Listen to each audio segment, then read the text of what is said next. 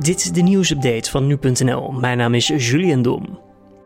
De basisscholen kunnen vanaf volgende week weer open en het afhalen van producten bij winkels wordt dan ook mogelijk. Dat maakte demissionair premier Rutte gisteravond bekend tijdens de persconferentie, waar hij ook vertelde dat de lockdown wordt verlengd om de verspreiding van het virus tegen te gaan. Arts-microbioloog Jean-Luc Murk was de gast bij Jinek en praatte daar over de avondklok, waar nog geen besluit over is genomen. Hij vertelde dat we momenteel nog niet weten wat de huidige avondklok voor effect heeft op de verspreiding van het virus. Wel is volgens hem duidelijk dat de Britse variant eerst beperkt aanwezig was en nu al verantwoordelijk is voor twee derde van alle besmettingen. Nou, een aantal weken geleden was die Britse variant was maar 5%.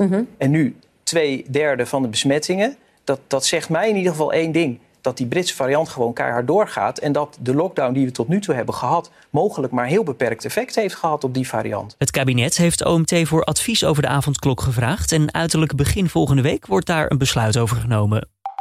Dubieuze Russische en Chinese bedrijven staan op een lijst met organisaties die hoogopgeleide asielzoekers naar Nederland mogen halen. Daarover schrijft Trouw deze ochtend. Dit maakt Nederland kwetsbaar voor spionage en misbruik van verblijfsvergunningen. Volgens de krant controleert de Immigratie- en Naturalisatiedienst nauwelijks wie gebruik maakt van deze soepele regeling. Als bedrijven eenmaal een algemene toestemming hebben gekregen, mogen ze zelf bepalen wie ze uitnodigen, al dus de krant.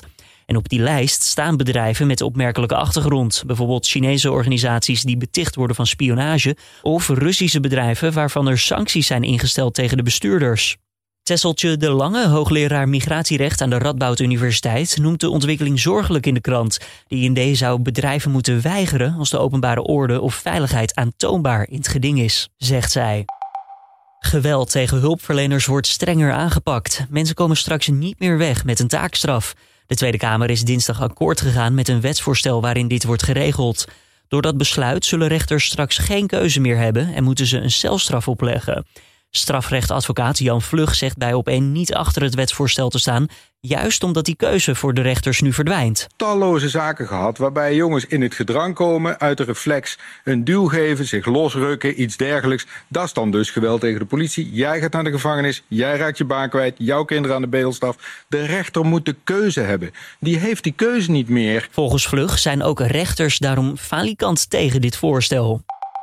De Amerikaanse president Joe Biden heeft met drie presidentiële decreten het strenge immigratiebeleid van zijn voorganger Donald Trump deels teruggedraaid. Zo wordt de asielzoekersprocedure voor vluchtelingen via de Mexicaanse grens herzien, worden gescheiden kinderen weer met hun ouders herenigd en komt er hulp om corruptie in Midden-Amerikaanse landen te bestrijden. Via die laatste stap moet de migratiestroom richting de VS ook worden beperkt. Het team van Biden probeerde wel de verwachtingen te temperen door te stellen dat het nog een lange weg te gaan is en dat dit probleem dus niet direct is opgelost. But it remains a dangerous trip. It remains a time. This is not the time to come to the United States. We need the time to put in place uh, an immigration process so people can be treated humanely. Vrouwen van Oeigoerse afkomst in Chinese heropvoedingskampen worden stelselmatig verkracht. Dat meldt de BBC op basis van getuigenissen. Ook zou er veelal worden gemarteld in de detentiecentra.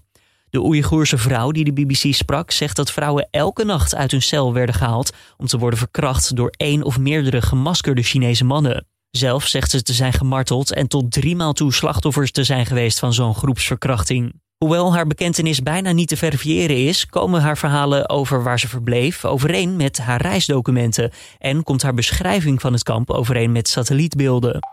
Mexico heeft Veilinghuis Christie's gevraagd om een aantal artefacten die dateren van voor de komst van de Spanjaarden niet te veilen. Het land ziet de stukken als nationaal erfgoed en wil ze graag terug hebben.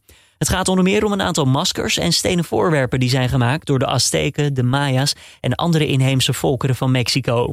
Het Veilinghuis heeft niet publiekelijk gereageerd op het Mexicaanse verzoek, waardoor het lijkt alsof de veiling volgende week gewoon door zal gaan. Sommige stukken moeten naar verwachting zo'n 900.000 euro opbrengen. En dit was dan weer de nieuwsupdate van nu.nl.